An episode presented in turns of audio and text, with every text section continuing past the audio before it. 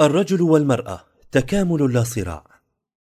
افتتاحية العدد الثالث عشر من مجلة رواء رجب عام 1443 هجرية شباط فبراير 2022 للميلاد.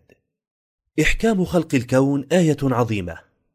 خلق الله تعالى الكون وما فيه على أكمل وجه وأحسن نظام بما يحقق الغاية من خلقه ويدل على عظمة صانعه ومن أظهر وجوه ذلك الانتظام بين جنباته والتوازن بين مخلوقاته ووجود قوانين حاكمة أينما اتجه النظر وتبحر الفكر. وهذا الجانب من حسن الانتظام وكمال الإحكام لمسه الأولون على قلة التفاصيل التي أحاطوا بها في عصورهم ويلمسه العلماء اليوم مع التقدم الكبير في اكتشاف القوانين والأنظمة التي تسير الكون بأجزائه المختلفة. فعلى مستوى النجوم العملاقة والأفلاك العظيمة والمجرات الهائلة ثمة قوانين حاكمة تحدد الآليات والمسارات لدوران بعضها حول بعض. وعلى مستوى الذرة ومكوناتها من الجسيمات المتناهية في الصغر توجد قوانين ونظم يحار المرء في دقتها واضطراد سلوكها وتأثيرها على ما يتكون منها.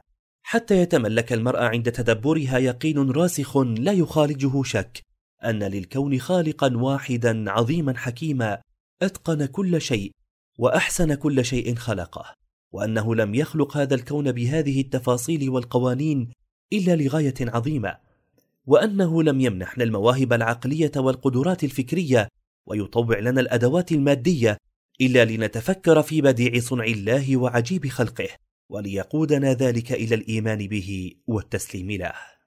تأمل كيف ينبهنا الله تعالى إلى مفاتيح التفكر والتدبر في المخلوقات الأرضية والأجرام السماوية فيقول في كتابه سبحان الذي خلق الأزواج كلها مما تنبت الأرض ومن أنفسهم ومما لا يعلمون. وآية لهم الليل نسلخ منه النهار فإذا هم مظلمون. والشمس تجري لمستقر لها ذلك تقدير العزيز العليم. والقمر قدرناه منازل حتى عاد كالعرجون القديم. لا الشمس ينبغي لها أن تدرك القمر ولا الليل سابق النهار. وكل في فلك يسبحون.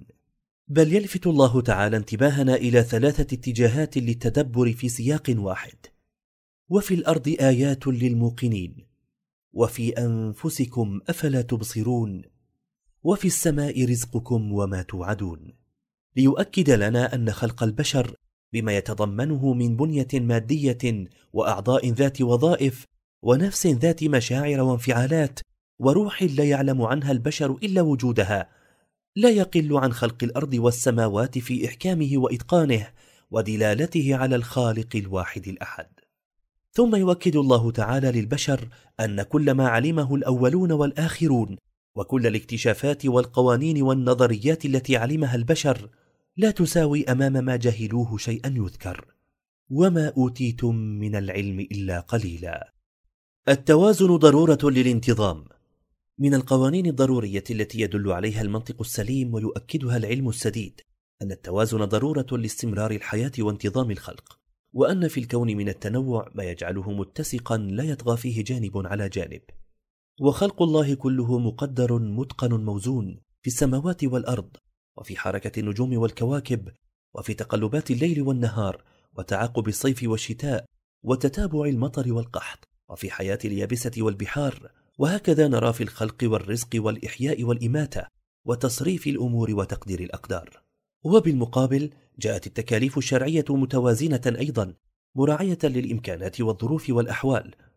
فالفقير لا يطالب بما يطالب به الغني والمسؤولية تزيد كلما على شأن الشخص والأجر على قدر المشقة.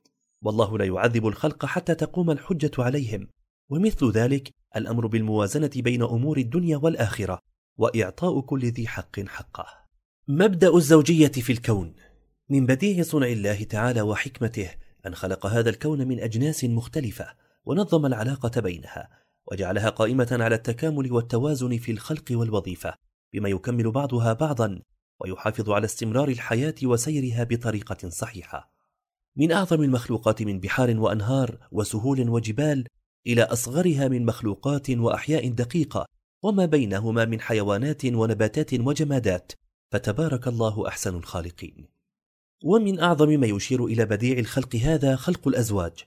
فإن الله تعالى قد خلق من كل شيء زوجين اثنين كما قال ومن كل شيء خلقنا زوجين لعلكم تذكرون فنظام الزوجية في الخلق متأصل في جميع المخلوقات وهي محكومة به. سبحان الذي خلق الأزواج كلها مما تنبت الأرض ومن أنفسهم ومما لا يعلمون. والزوجية تشمل جميع المخلوقات حتى الجمادات غير الحية وهو ما كشفت عنه الدراسات والعلوم الحديثة من عالم الذرة ونحوها كما قال تعالى ومما لا يعلمون ومن اجتماع الزوجين تنشأ الحياة وتتكون المادة وقوله خلقنا زوجين فبين أن كل ما في العالم زوج من حيث إن له ضدا أو مثلا ما أو تركيبا ما بل لا ينفك بوجه من تركيب. وإنما ذكرها هنا زوجين تنبيها أن الشيء وإن لم يكن له ضد ولا مثل فإنه لا ينفك من تركيب جوهر وعرض وذلك زوجان. ففي خلق الإنسان وأنه خلق الزوجين الذكر والأنثى من نطفة إذا تمنى. وفي خلق الحيوان قل نحمل فيها من كل زوجين اثنين وفي النبات ومن كل الثمرات جعل فيها زوجين اثنين. يقول سعيد النورسي يشكل الجسم والنفس أو الظاهر والباطن في الكائن الحي وحدة واحدة وكيانا موحدا. ظاهر الانسجام متقن السبك دقيق الصنعة جميل الإبداع ومن امتزاجهما معا وذوبان أحدهما في الآخر وتبادلهما المؤثرات والتأثيرات أخذا وعطاء جوعا وشبعا ريا وظمأ صحة ومرضا حزنا وفرحا مسرة وألما يرتسم كيان هذا الكائن وتبرز معالمه وتتحدد صفاته وتتشكل سماته وملامحه. فالزوجية موجودة في كل نظام الكون صغيره وكبيره جماده وحيه فهي سنة الله تعالى في خلقه. التكامل في خلق الإنسان. جعل الله عز وجل الإنسان زوجين ذكرا وأنثى وأبدع في خلقهما يكونا مناسبين لبعضهما ويكمل كل منهما الآخر وتستقيم لهما الحياة وتتحقق بهما عمارة الأرض. وشرع لهما تشريعات تضبط العلاقة بينهما وتحفظ حقوق كل منهما. أولا فقد خلق الله البشر من نفس واحدة كما قال تعالى يا أيها الناس اتقوا ربكم الذي خلقكم من نفس واحدة وخلق منها زوجها وبث منهما رجالا كثيرا ونساء. وقال جل في علاه هو الذي خلقكم من نفس واحدة وجعل منها زوجها ليسكن إليها. وقال خلقكم من نفس واحدة ثم جعل منها زوجها. وهذا أدعى للتكامل والانسجام والتواؤم بينهم. تناسبكم وتناسبونهن وتشاكلكم وتشاكلونهن وليكون بينهم استقرار وسكن. وذلك لما بين الاثنين من جنس واحد من الإلف والسكون وما بين الجنسين المختلفين من التنافر. ثانيا والله تعالى كرم الإنسان ذكرا كان أو أنثى فقال جل شأنه ولقد كرمنا بني آدم وحملناهم في البر والبحر ورزقناهم من الطيبات وفضلناهم على كثير ممن خلقنا تفضيلا وأشاد القرآن بالمؤمنين من الرجال والمؤمنات من النساء وجعل لكل منهما حقوقا وواجبات ولكل منهما أن يطالب بحقه وعليه أن يؤدي واجبه كريما محترما مقدرا. ثالثا ولأن الميل بين الذكر والأنثى طبيعي يدركه كل أحد ولا يحتاج إلى إثباته أحد فقد نظم الله العلاقة بين الرجل والمرأة وجعل الزواج طريقها الوحيد وجعل بين الزوجين مودة ورحمة كما قال تعالى وجعل بينكم مودة ورحمة فهما يتوادان ويتراحمان. وما شيء أحب إلى أحدهما من الآخر من غير رحم بينهما. رابعا وكلف الرجل والمرأة بعبادة الله تعالى وهذه العبادات تشمل جميع الطاعات بما فيها الزواج نفسه وما يحققه من حفظ الدين والنفس والنسل مرورا بتربية الأبناء والقيام على الأسرة. قال تعالى وما خلقت الجن والإنس إلا ليعبدون وحث على التعاون في ذلك كله. قال تعالى وأمر أهلك بالصلاة واصطبر عليها. وقال صلى الله عليه وسلم رحم الله رجلا قام من الليل فصلى وأيقظ امرأته. أخرجه أبو داود. خامسا واستخلفهما في الأرض وأمرهما بعمارتها. قال تعالى وهو الذي جعلكم خلائف الأرض ورفع بعضكم فوق بعض درجات ليبلوكم فيما آتاكم. فالخليفة هو الإنسان ذكرا كان أو أنثى. ولكل منهما مهمته في عمارة الأرض تكمل مهمة الآخر. سادسا وأمرهما بالسعي للآخرة ووعدهما بالأجر العظيم وهذا الجزاء مرتبط بالعمل لا بالجنس أو الشكل أو اللون. قال تعالى فاستجاب لهم ربهم أني لا أضيع عمل عامل منكم من ذكر أو أنثى بعضكم من بعض. تنوع في الأدوار واتحاد في الأهداف. إن الاختلاف في خلق الإنسان بين الرجل والمرأة يؤدي إلى اختلافات حقيقية بينهما في البنية الجسمية والتفكير والعاطفة وغيرها مما ينعكس على اختلافات واقعية في طبيعة الأدوار المسندة إليهما مع بقاء الأهداف العامة لهما واحدة كما تقدم. وهذا هو مقتضى التأكيد الإلهي على هذا الاختلاف وليس الذكر كالأنثى. وقد زود الله كل من الرجل والمرأة بخصائص وقدرات تمكنه من القيام بما أسنده إليهما من أدوار ونظم العلاقة بينهما بالعديد من التشريعات التي توضح حقوق كل منهما وواجباته وتنظم قيامهما بالأدوار الخاصة والأهداف العامة المشتركة. فإعمار الأرض والحفاظ على النسل الإنساني وظيفة لا يقوم بها الرجل أو المرأة منفردين بل لابد من تكاملهما وتعاونهما في ذلك وبذلك جاءت الاختلافات والتشريعات.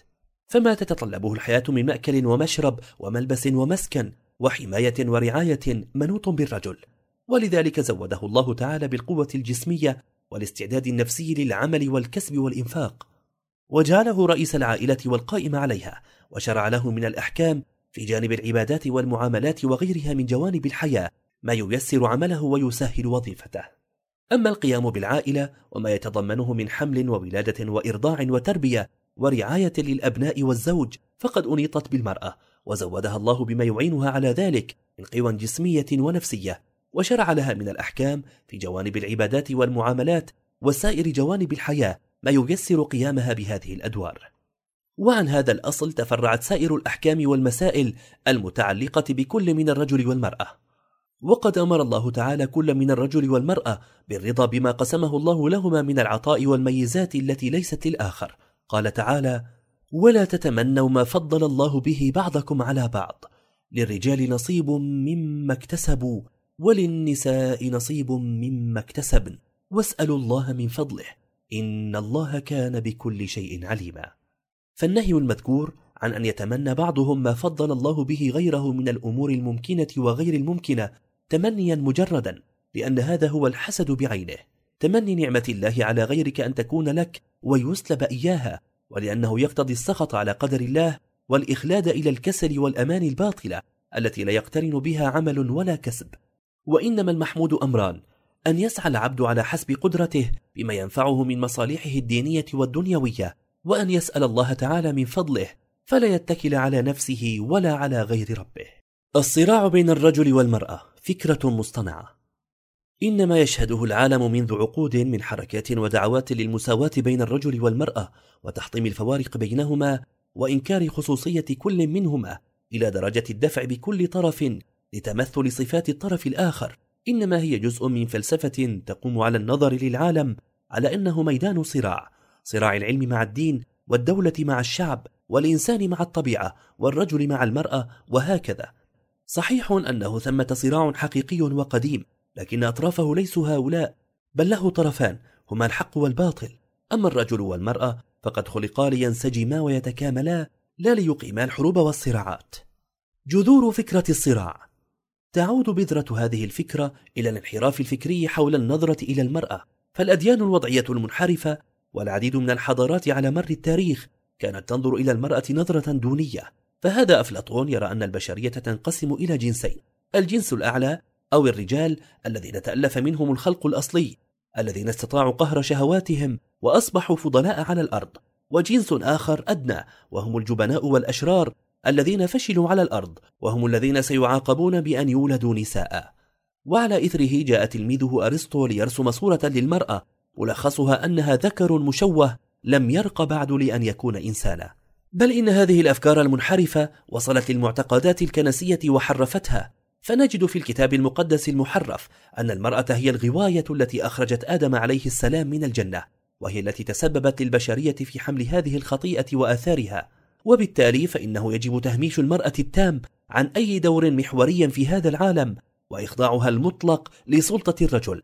وكانوا يرون أن المرأة إذا تفرغت لخدمة الكنيسة فإنها ترتقي لتصبح رجلا. وقد تأثر الفلاسفة النصارى بهذه الأفكار فأصبحوا يرون المرأة كائنا جسديا غير عقلاني بالمرة كما قال ديكارت. فيما يقول جان جاك روسو إن الطبيعة الأنثوية تنحصر في غرضي الجنس والإنجاب في حين أن الطبيعة الذكورية تتسم بالقدرة العقلية اللامحدودة بين العقل والمادة. ومع ظهور الثورة الأوروبية على الطغيان الكنسي والملكي وتلمسها للمعرفة خارج إطار الدين المعادل للعقل والعلم وما تبع ذلك من انهيار المسلمات المعرفية والانطلاق إلى تأسيس الحياة والعلوم والمعارف بعيدا عن هدي الدين فظهرت النظريات المختلفة في السياسة والاجتماع والاقتصاد. وتفسير نشأة الكون وتطور الإنسان وما يتعلق بذلك من مسائل أخلاقية وفكرية ظهرت نظريات متناقضة منفلتة من أي ضابط أو مرجعية تؤله الإنسان وعقله وعلمه وشهواته. متأثرة في ذلك بما عاشه في الماضي من ظلم وتمييز مدفوعة للتخلص من تلك الأغلال والقيود وما يتعلق بها. ومن تلك النظريات التفسير المادي للكون والحياة والتاريخ والنظرة للإنسان نظرة حيوانية مادية وتفسير الكون وأحداثه على أنه سلسلة من الصراعات والنزاعات للبقاء وانتزاع الحقوق. ومما تأثر بذلك الحراك المسائل التي تتعلق بالمرأة. والتي ابتدأت بالمطالبة بحقوقهن ورفع الظلم عنهن ورفض المكانة التي وضعتها فيها الفلسفات المختلفة والأديان المحرفة والتي تطورت إلى الدعوة للخروج عن سلطة الرجل وما سموه بالتسلط الذكوري والانطلاق في سباق محموم لمنافسة الرجل لتتحول بعد ذلك إلى محاولة للسيطرة عليه وقهره وأخذ مكانه ودوره في المجتمع بشكل متطرف من أشكال الصراع. أما التأثير المجتمعي لهذا الصراع فيتمثل بعدد كبير جدا من هذه الكوارث ففضلا عن خلط الأدوار الفطرية للرجل والمرأة والدعوة للجندر وحق تغيير الجنس والترويج للشذوذ والانحلال الأخلاقي فهناك هدم الأسر القائمة وتسبب بعزوف الرجال والنساء عن الزواج وشيوع البطالة لدى الشباب وانتشار الجريمة مع نشر الإلحاد لكونه الغطاء المناسب لمثل هذه الأفكار والتصرفات. ومن الغرائب في هذا الصراع المصطنع افتراضات أسطورية لا يدل عليها دليل ولا يؤيدها منطق. تفترض تطورا تاريخيا مرت به المجتمعات البدائية كانت السيطرة فيه للنساء تحت ظل نظام أمومي ثم مع الزمن حل محله نظام آخر أبوي بزعمهم. والهدف من هذه المزاعم تثبيت فكرة الصراع بين الرجل والمرأة وكسر ما يعتبرونه سيطرة للرجل على جوانب كثيرة في الحياة. الخلاصة إن خلاصة النظرة الصحيحة الشرعية للرجل والمرأة في هذه الحياة والتي جلاها الإسلام نابعة من النظرة العامة للكون وهي الخضوع لله تعالى وأمره والتعاون والتكامل بينهما لتحقيق ذلك مع أخذ كل منهما مكانه اللائق به. ومن المؤكد أنه لا توجد شريعة على وجه الأرض جلت هذه الحقيقة كما فعل الإسلام ولا يوجد مخرج من هذا الصراع وآثاره ومما تعانيه المرأة إلا بتطبيق شرع الله تعالى.